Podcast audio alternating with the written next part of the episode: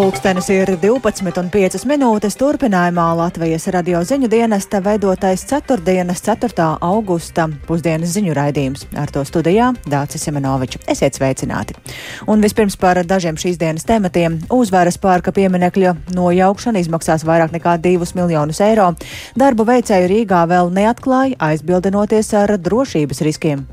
Es domāju, ir diezgan augsta ticamība, ka līdz 1. oktobrim pirmie kancams vairs nebūs redzams. Protams, mēs izvērtēsim, kā tika izraudzīts būvnieks. Dēlni iesaistījās šajā procesā nedēļu atpakaļ, brīdī, kad tika atvērti piedāvājumi. Zelenskis netic Krievijas paziņojumiem par vēlmi atsākt diplomātiskās sarunas. Якщо б Росія реально хотіла закінчення війни, Ja Krievija tiešām vēlētos kara beigas, tā tagad nesavilktu savas karaspēka rezerves Ukrainas dienvidos un neveidotu nogalinātu nevainīgu cilvēku masu kapus Ukrainas teritorijā. Bet pensionāriem daudz raižu par gaidāmo ziemu un arī neziņa, kad tad palielinās pensijas. Oktobrī jau būs indeksētā pensija, kas pienāks katru mēnesi, bet uh, septembris ir tas mēnesis, kad būs lielāka, kur būs arī iekšā šī augusta indeksācijas palielinājums.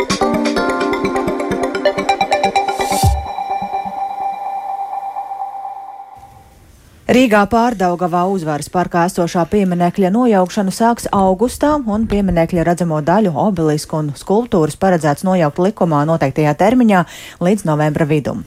Lielākās izmaksas saistās ar līdzās esošā baseina, postamentu un pamata demontāžu un drošības apsvērumu dēļ uzņēmumu, kam šos darbus uzticēs, aizvien vēl nenosauc. Un ar jaunumiem no Rīgas domas ir ieradies arī kolēģis Jānis Kīncis. Sveiks, Jāni! Sveika, Dārci! Labdien, klausītāji! Es saku, kā, kā notika darba veica izvēle? Jā, kandidāts tika ticis izraudzīts nevis konkursa, bet cenu aptaujas veidā, tajā bija pieteikušies pieci pretendenti. Tomēr pašlaik Rīgas pašvaldība tiešām vēl neatklāja pat to, vai darba veicējs ir pašmāju vai ārvalstu uzņēmums. Tas ir darīts pagaidām drošības apsvērumu dēļ, kurus sīkāk paskaidroja Rīgas izpildu direktors un uzvaras parkā esošā pieminekļa nojaukšanas darba grupas vadītājs Jānis Lange. Paklausīsimies viņa teikto. Dodiet mums vēl nedaudz laiku, jo līdz būvdarbu uzsākšanai mēs šobrīd strādājam pie drošības protokola ar mūsu drošības iestādēm, lai saprastu, kādā veidā tiks organizēta gan iebraukšana un izbraukšana no būvobjekta, kādā veidā darbinieki atradīsies, vai viņiem būs vests ar uzrakstiem, vai nebūs vests, vai būs būvtāfela šajā vietā, vai nebūs, lai maksimāli nodrošinātu arī visu šī procesa drošību un izvairīšanos no dažādiem provokācijas riskiem. Mēs šo informāciju visticamāk atklāsim tuvākajā laikā. Bet es varu teikt, ka mums tiešām bija ļoti svarīgi, kāda ir iesaistīto būvnieku reputācija. Mēs konsultējamies arī ar drošības dienestiem, un vēlreiz atkārtošos, tuvākajā laikā arī šī informācija jums būs pieejama. Jā, informāciju par šo slēgto cenu aptauju pretendenti varēja uzzināt arī būvniecības elektroniskajā iepirkuma sistēmā, skaidroja Lange. Savas aizdomas par šo procesu gan vakar Latvijas radio izteica uzņēmuma InNordic AB pārstāvis Ingus Purgailis, un pēc viņa teiktā cenšoties noskaidrot, kā pieteikties, viņa uzņēmuma pārstāvi tikuši pārsūtīti no viena eksperta pie otra līdz beigās, kāds darīja zināms, ka iespēja pieteikties nesot. Jānis Lange šodien paskaidroja, ka konkrētais uzņēmums interesi esot izrādījis jau pēc cenu aptaujas beigām. Um, Pieminekļa nojaukšanas procesu bez atlīdzības piekritus uzraudzīt arī sabiedrība par atklātību Dēlna. Organizācijas vadītāja Inese Tauriņa solīja, ka uzmanību pievērsīs labas pārvaldības principu ievērošanai, būvnieku izvēlēšanas procesam, iesaistīsies arī demontāžas darbu uzraudzībā, kā arī procesā jau pēc tam, kad uzvaras parka teritorija tiks labi iekārtota, kad no pieminiekta tur vairs nebūs palicis nekas. Un cik projekts izmaksās un kad tad sāks pieminekļa kompleksa nojaukšana? Šajā pēcpusdienā notiks slēgta Rīgas domas finanšu un administrācijas lietu komitejas sēde, kurā lems par nedaudz vairāk nekā 2,1 miljonu eiro piešķiršanu pieminekļa nojaukšanai. Vairums šīs summas ņems no Rīgas domas rezerves fonda, taču aprēķinos ir iekļauti arī sabiedrības saziedotie vairāk nekā 268 tūkstoši eiro iepriekš organizācijas organizācijas Ziedot LV pārstāvji skaidroja, ka šos līdzekļus varētu izmantot būvgrūžu izvešanai un tam līdzīgām darbībām. Līgumu par darba no, norisi varētu noslēgt jau rīt, lai tie sāktos tuvākajās nedēļās un pagūtu iekļauties paredzētajā termiņā līdz 15. novembrim. Un pieminekļa kompleksu nojaukšot pa daļām un nesot plānot saglabāt nevienu no tā detaļām. Un līdz novembra vidum būšot noņemta obeliska daļa un skulptūras. Tas varētu notikt ar kādu ātr, ātrākas darbības metodi, jo ilglaicīgai lēnai šī pieminekļa tā teikt drupināšanai laika nepietiekot. Savukārt lielāko izmaksu daļu ap 45% veido līdzās esošā baseina nojaukšana un aizbēršana, kas ir teju ceturtā, bet savukārt ceturtā daļa šīs summas 2,1 miljona tiekot, tikšot rezervēta postamentu, tehnisko telpu un pamatu demontāžai. Uz jautājumu, vai nepieciešams tiešām arī likvidēt šo baseinu, Rīgas mērs Mārtiņš Taķis no par progresīvo frakcijas paskaidroja, ka pilnīgu šī objekta likvidēšanu paredzot likums, un tas notikšot līdz nākamā gada pavasarim. Pēc tam teritoriju paredzēts labiekārtot, paplašinot parku un paredzot to, piemēram, dažādām sportiskām aktivitātēm. Jā, paldies. Studijā bija Jānis Kīncis, kurš mums pastāstīja vairāk par uzvaras parkā esošo pieminekli, un tagad ir zināms to, ka Kurš nojauks pieminekli, izvēlējās cenu aptaujā, pieminekļa komplekss nojauks pa daļām, un tas izmaksās vairāk nekā 2 miljonus eiro.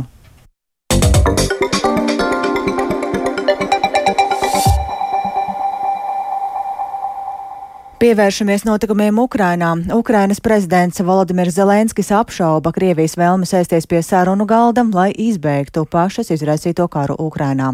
Par to neliecina arī šonakt notikušie Krievijas raķešu uzbrukumi vairākām Ukrainas pilsētām, un ar viena lielāks satraukums ir par drošības situāciju Zaporīžas atomelektrostacijā, ko Krievija varētu izmantot rietumu valstu iebiedēšanai. Vairāk stāsta Uldis Česberis. Kara Ukrainā 162. diena iesākās ar kārtējiem Krievijas raķešu triecieniem pa pilsētām. Viens cilvēks ievainots uzbrukumos Zaporīžas apgabalā. Mikolaivā apšaudīti divi dzīvojamie rajoni. Uzbrukumu rezultātā bojātas vairākas daudzstāvu dzīvojamās ēkas un izcēlās ugunsgrēks.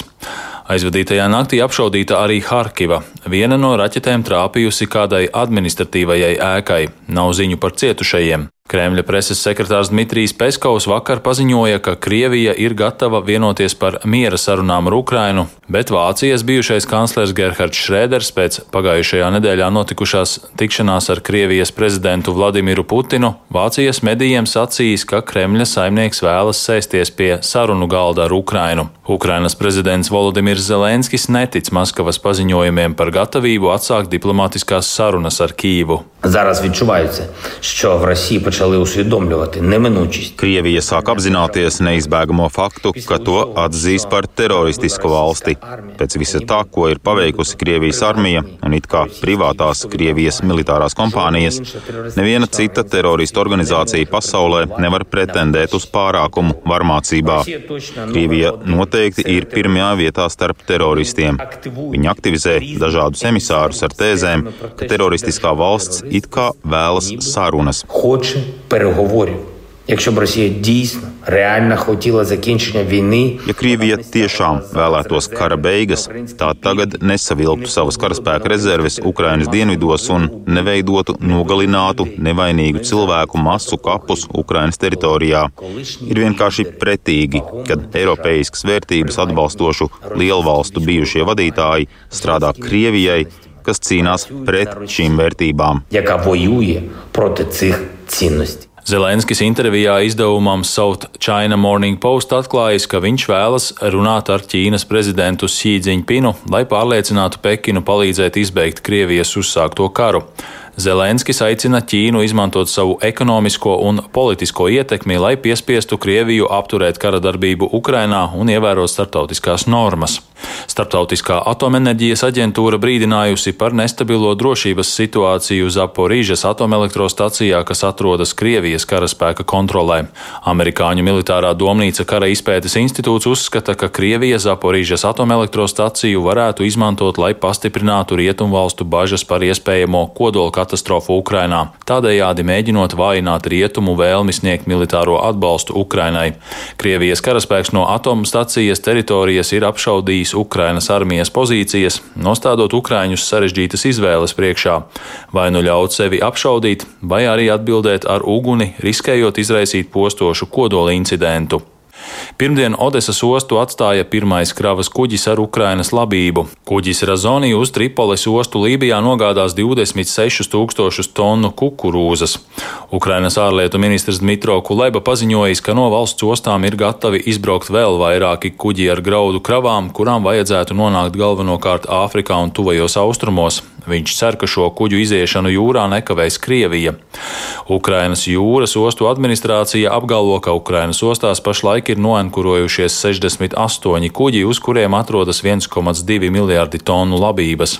Savukārt Odesas apgabala militārā administrācija paziņojusi, ka pirmo reizi kopš Krievijas iebrukuma 24. februārī uz Ukrainu ir devies kuģis, kuram būs jāuzņem eksportam paredzētie graudi. Plānots, ka zem Liberijas karoga kuģojošais beram kravu kuģis rīt ieradīsies Černomorskas ostā. Uldis Česberis, Latvijas radio. Krievijas augstākā tiesa atzinusi Ukrainas pulku Azovu par teroristu organizāciju. Tas nozīmē, ka Azovu kaujiniekiem var draudēt līdz pat 20 gadu ilgs cietumsots, bet komandieriem pat mūža ieslodzījums. Spriedums stājies spēkā vien dažas dienas pēc tam, kad vismaz 50 Azovu kaujinieki gāja bojā sprādzienā Olenīvkas kolonijā uz laiku okupētajā Donetskas apgabala teritorijā, vairāk stāsta Uģis Lībietis. Kaujinieku grupējums Azovs savu militāro darbību sāka pēc 2014. gada notikumiem Krimā un Ukrainas austrumos, kļūstot par vienu no nozīmīgākajiem grupējumiem cīņā pret prokrieviskajiem kaujiniekiem. Vēlāk Azov oficiāli tika integrēta Nacionālajā gvardē, un tā kaujinieki sev pierādīja kā pārsteidzoši efektīvus un grūti uzvaramus spēkus, tostarp aizstāvot Mariupolu un tajā esošo metāla apstrādes rūpnīcu Azovs taļu. Pēc nedēļām ilgām cīņām un aplenkuma Ukraiņas spēku karavīri, tostarp azovieši, bija spiesti padoties Krievijas iebrucējiem, lai tādējādi audzētu pēc iespējas lielāku skaitu dzīvību.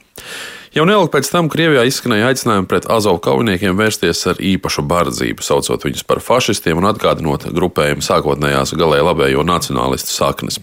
Tieši Azovu attēlošana par fašistiem ir viens no iecienītākajiem Krievijas propagandas rīkiem, apgalvojot, ka tas pierāda Kijavas oficiālās valdības simpatizēšanu neonacistiem.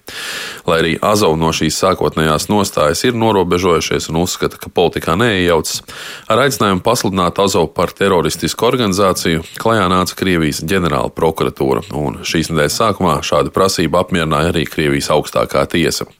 Šīs nedēļas laikā ir notikuši arī vairāk citi notikumi, kas Azovu kaujinieku likteni neiezīmē priecīgos toņos. Tā piemēram, Krievijas vēstniecība Lielbritānijā šonadēļ publicēja ierakstu, kurā teikts, ka Azovu kaujinieki ir pelnījuši nāves sodu, taču nevis nošaujot, bet gan pakarot, jo viņi nav parasti karavīri. Vēstniecības tvītā arī uzsvērts, ka šie kaujinieki ir pelnījuši pazemojošu nāvi. Un tieši šāds liktenis jūlijā beigās sagaidīja vairāk nekā 50 kara gūstekņus, kuri bija ieslodzīti vienā no kolonijām Oleņģivkā, okupētajā Doņetskas apgabala teritorijā. Šajā kolonijā, uz kur iepriekš bija savesti vairāk simti ukrāņu kara gūstekņu, notika sprādziens. Ir izskanējušas dažādas versijas. Krievijas puse apgalvo, ka trieciens veikts no Ukrainai piegādātajām artērijas iekārtām Haimars, kas tagad tiek piesaukts gandrīz katrā triecienā. Savukārt Ukraina norāda, ka sprādziens ir sarīkots no iekšienes un iespējams to organizējuši algotņi no Wagnera grupējuma, lai slēptu totālu karagūstekņu uzturēšanai atvēlēto līdzekļu izšķērdēšanu. Līdz šim traģēdijas vietu nav izdevies apsekot ne ANO ekspertiem, ne starptautiskiem sarkanajam krustam. Bet kamēr Ukraina ir uzsākusi bojā gājušo karavīru mirstīgo atlieku atgūšanu, cilvēku tiesību aktīvists Nikolais Polozovs atgādina, ka arī tiesāšana par terorismu neizslēdz iespēju, ka Azovu kaujiniekus nākotnē varētu apmainīt pret sagūstītajiem Krievu karavīriem. Taču paši pulka Azovu kaujinieki ir apņēmības pilni nesēdēt rokas klēpī salikuši, bet gan meklēt tos, kur ir atbildīgi par viņu cīņu biedru bojāju. Ukrainas prezidents Valdimirs Zelenskis notikušo ir nosaucis par kārtējo Krievijas īstenoto terora aktu un karagūstekņu uzturēšanas noteikumu pār pārkāpumu, par ko Krievija ir pelnījusi, lai visa pasaule to atzītu par terorismu atbalstītāju valsti. Attiecīgu rezolūciju šajās dienās ir apstiprinājusi arī Ukrainas augstākā rāda. Uģis Lībijams, Latvijas radio. Lai gan jau vairākus gadus darba devēja bez īpaša pamatojuma nedrīkst pieprasīt darbiniekiem konkrētas svešvalodu zināšanas, Latvijas radio eksperimentā noskaidroja, ka darbu īpaši apkalpojošā sfērā bez krievu valodas zināšanām atrast ir grūti. Darba devēja sludinājumos mēdz šo prasību nenorādīt, taču vēlāk jau darba intervijā uzsvēra, ka darbiniekam krievu valoda tomēr būs jāapgūst. Tikmēr saimā virzie cer, ka noteiktu, eh, ka ir pretlikumīgi prasīt darbiniekam runāt svešvalodā ar Latvijas pastāvību pastāvīgajiem iedzīvotājiem un plašāk Baibrunce. Ja jau tieši par to krievu valodu, tad reku latviešu valoda, angļu valoda, lai paliek. Līva Zelma Purviņa ir komunikācijas zinātnes studente, kura piekritusi Latvijas radio aicinājumam pārbaudīt, cik viegli šobrīd atrast darbu bez krievu valodas zināšanām. Es domāju, ka varētu vispār nepieminēt to krievu valodu. Varētu darīt tā, ka tad, kad tu aizies uz interviju, tad pateikt, ka oh, tu, jā. piemēram, nezini krievu valodu, un tad klausīties, kāda ir tā viņa reakcija. Mēs... Angļu valodu jauniete pārvalda brīvi, savukārt krievu viens sarunu valodas līmenī. Nolemjam viņas CV valodu zināšanas nenorādīt. Darbu meklējam tādās nozarēs kā pārdošana, ēdināšana, asistēšana un valsts pārvalde. Dažos sludinājumos uzreiz norādīts, ka nepieciešams prast krievu valodu, taču visai bieži novērojama netieša piebilde vēlamas svešvalodu zināšanas, vai tās tiks uzskatītas par priekšrocību. Halo, jā. Sveiki, Zelma? Jā. Zvana no degvielas tirdzniecības pakalpojumu sniedzējas Circle K. Līva Zelma atsaukusies pārdevējas vakancei. Tajā valodu zināšanas nebija pieminētas. Vai tu vispār būtu gatava, piemēram, nu, apgūt tādas Jā, jā, protams. Jā, jā, jā, jā. Uh -huh. Ja potenciālā darbiniece ir gatava mācīties, nekādu problēmu. Apdrošināšanas kompānijas Balta izsludinātajā vakancē attālinātās pārdošanas speciālists bija norādītas vēlamās latviešu un krievu valodas zināšanas. Jā, tad eh, šis būs arī grūti, jo šajā intervijā, video intervijā, viens no jautājumiem mēs paredzam, ka atbildēs krieviski. Balta nav vienīgā kompānija, kas jaunietei atsaka. Līva Zelma pieteikusies arī partneru operāciju koordinātora vakancē pie ēdienu piegādes pakalpojumu sniedzēja Bolt Food. Tā krievaloda, diemžēl, šajā gadījumā būs mīnus, jo mums viņa ir nepieciešama. Valsts darba inspekcija atgādina, ka jau četrus gadus darba devējs nemaz nedrīkst bez īpaša pamatojuma pieprasīt noteiktas svešvalodas, visbiežāk krievu, zināšanas. To drīkst tikai tad, ja citādi nav iespējams veikt darba pienākumus. Šāds likumprojekts pieņemts ar mērķi mazināt krieviski nerunājošo darba ņēmēju diskrimināciju Latvijas darba tirgū. Komentēja inspekcijas vadošā juriskonsulte Laura Akmentiņa darbiniekiem ir tiesības ziņot valsts darba inspekcijai, kas tad attiecīgi arī veiks pārbaudi. Sūdzību gan nav daudz. Šogad sniegtas četras konsultācijas un saņemti vairāki mutiski ziņojumi, taču neviens rakstveida iesniegums. Tas gan nenozīmē, ka šādu situāciju nav. Darbinieki, teiksim, tā nevēršas tik aktīvi varbūt savu tiesību aizsardzībai, piemēram, arī valsts darba inspekcijā vai tiesā. Lai mazinātu pārpratumus nākotnē, inspekcija apsver iespēju rosināt grozījumus grozījumus darba likumā, lai darba devējiem jau sludinājumā noteiktu par pienākumu sniegt īsu pamatojumu svešvalodu prasmju nepieciešamībai. Nodarbinātības valsts aģentūra gan joprojām nodrošina dažādu prasmju, tostarp krievu valodas apguvi pēc darba devēja individuāla pieprasījuma. Baiba Runce, Latvijas radio. Nākamās pirmdienas pēcpusdienā kļūs zināms konkrēts indeks, pēc kura tad aprēķinās un indeksēs pensijas. Šogad tas notiek agrāk nekā ierasts. Pensionāru federācija gan skaidro, ne visiem senioriem jaunā kārtība un izmaiņas ir saprotamas. Vairāk interesējās Kristaps Feldmanis. Šogad pensiju indeksācija paredzēta ātrāk nekā ierasts, un jau septembrī seniori saņems lielāku pensiju. Latvijas pensionāru federācijas vadītāja Aija Bārča, kura gaidāmajās saimas vēlēšanās kandidē no Latvijas zaļās partijas, Latvijas reģiona apvienības un Liepājas partijas apvienotā saraksta, neslēpj. Daudziem senioriem gaidāmā pensiju indeksācija vēl aizvien ir neskaidra. Pensijas par augustu mēnesi cilvēks sāk jau saņemt, un vakardien arī man bija vairāki zvani un īziņas. Tas nozīmē, ka cilvēki cilvēkiem ir jāskaidro, jāstāsta, Es domāju, ka tāda skaidrošana notiks, jo mēs arī savā laikrakstā to cenšamies skaidrot arī telefoniski, uz e-pastiem un uz īziņām. Labklājības ministrijas sociālās apdrošināšanas departamenta vecākā eksperte Dāce Trušīnska pensionārus aicina vērst uzmanību uz to, ka augusta pensijās vēl indeksēto pieaugumu neizmaksās. To izmaksās līdz ar septembra pensiju, tādēļ septembrī tās apjoms būs lielāks nekā ierasts. Savukārt oktobrī visam vajadzētu nostāties savās sliedēs, un pensionāriem vajadzētu saņemt tiem paredzēto indeksētās pensijas apjomu. Oktobrī jau būs indeksētā pensija, kas pienāks katru mēnesi un tiks izmaksāta līdz nākošai pensiju indeksācijai. Bet uh, septembris ir tas mēnesis, kad būs lielāka, kur būs arī iekšā šī augusta indeksācijas palielinājums. Trušinska skaidro konkrēts indeks, pēc kura aprēķinās jaunās pensijas, būs zināms nākamajā nedēļā, pirmdienas pēcpusdienā. Indeksu veido faktiskais patēriņa cenu indeks no pērnā gada 31. augusta līdz šī gada 31. jūlijam, un inflācijas indeksu aprēķina Centrālā statistikas pārvalde. 8. augustā šis indeks būs zināms, tiks nodots Labklājības ministrijai, kur aprēķinās pensijas. Dats Trušīnska skaidro, indeksācija attieksies uz visām pensijām. Tā robeža indeksējumā šogad ir 534 eiro. Ja pensija ir līdz 534 eiro, tad tiks indeksēta viss pensijas apmērs.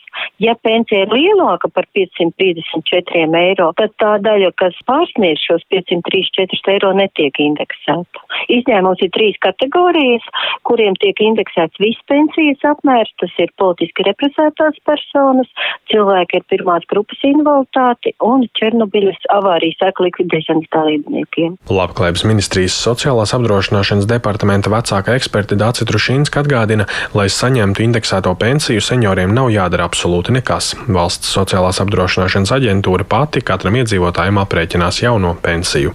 Taču jāņem vērā, šobrīd neapliekamais minimums valstī ir 500 eiro. Tādēļ gadījumā, ja pēc indeksācijas pensija pārsniegs šo līmeni, nāksies maksāt iedzīvotāju ienākumu nodokli. Kristaps Feldmanis, Latvijas radio.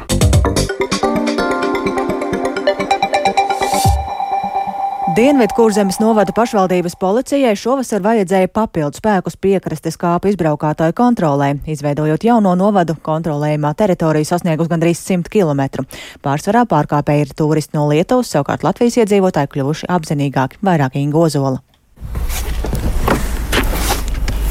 Dienvidkurzemes novada pašvaldības policijas darbinieki rāda vietu, kur šovasar dedzināts ugunskurs kāpu mežā pavisam netālu no jūras. Ugunskurs dedzināts neatļautā vietā, bet vismaz ir uzbērtas virsū smiltis, lai uguns dzirkstēls nepārmestos uz šobrīd ļoti sauso un izkautu šo priežu mežu. Kopā ar Dienvidkurzemes novada pašvaldības policijas inspektoru Silveru Veisu atrodamies Papes dabas parkā, kur pārkāpums fiksēts pagājušā nedēļas nogalē. Ļoti tuvu jūrai te tātad tika novietotas četras automašīnas ar lietuviešu numuriem. Lietuvas iedzīvotāji bija sacēluši telti te mazliet tālāk jau krasta kāpa aizsarga joslā. Automašīnām tika uzlikts minimālais sots 30 eiro.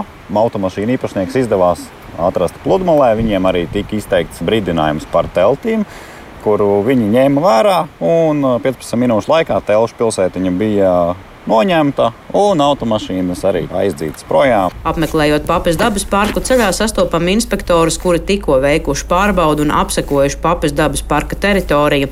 Inspektors Jānis Sēlis stāsta, kāda ir bijusi situācija šajā reizē. Šodien ir apsekots Bernāta dabas parks un arī Papes dabas parks. Papē ir konstatēts viens pārkāpums. Automašīna ir iebraukusi Nacionālā parka teritorijā, nobraukusi no autoceļa un novietojusi automašīnu uz zemesēdes. Pieķert klātienē pārkāpējus nevienmēr izdodas, jo pārsvarā viņi devušies prom no savām automašīnām, lai piekrastē šajā vasarā varētu intensīvāk apsekot dabas lieguma teritorijas. Dienvidu kurzemes novada pašvaldības policija aicinājusi darbā papildus spēkus. Turpinot pašvaldības policijas vecākais inspektors Andris Pavlovs. Mums ir ļoti gara pludmales teritorija. Dienvidu kurzemē tas sanāk 93, 94 km. Meklējām septiņus, bet pieteicās trīs, un darbā tika pieņemti divi. Pašvaldības policijas darbinieki veic reidus arī kopā ar vides dienesta inspektoriem. Reidos tiek izmantots drons, kas ļauj ātrāk un efektīvāk fiksēt pārkāpumus. Ingozola Latvijas radio kurzemē. Ar to izskan ziņu dienesta veidotā programma Pusdiena producents Edgars Kupčs, ierakstus montēja Renārs Šteimanis par labskaņu rūpējās Kristaps Runģis un ar jums sarunājās Dācis Semenoviča. Vēl īsi par svarīgāko. Uzvaras parka pieminekļa nojaukšana izmaksās vairāk nekā 2 miljonus eiro. Darbu veicēju Rīgu joprojām neatklāja, aizbildinoties ar drošības riskiem. Zelenskis netic Krievijas paziņojumiem par vēlmi atsākt diplomātiskās sarunas un pensionāriem daudz raižu par gaidāmo ziemu un arī neziņa, kad tad palīdz palielinās pensijas. Sekojiet mums līdzi arī Latvijas radio jaunajā lietotnē, arī savā vietā runī.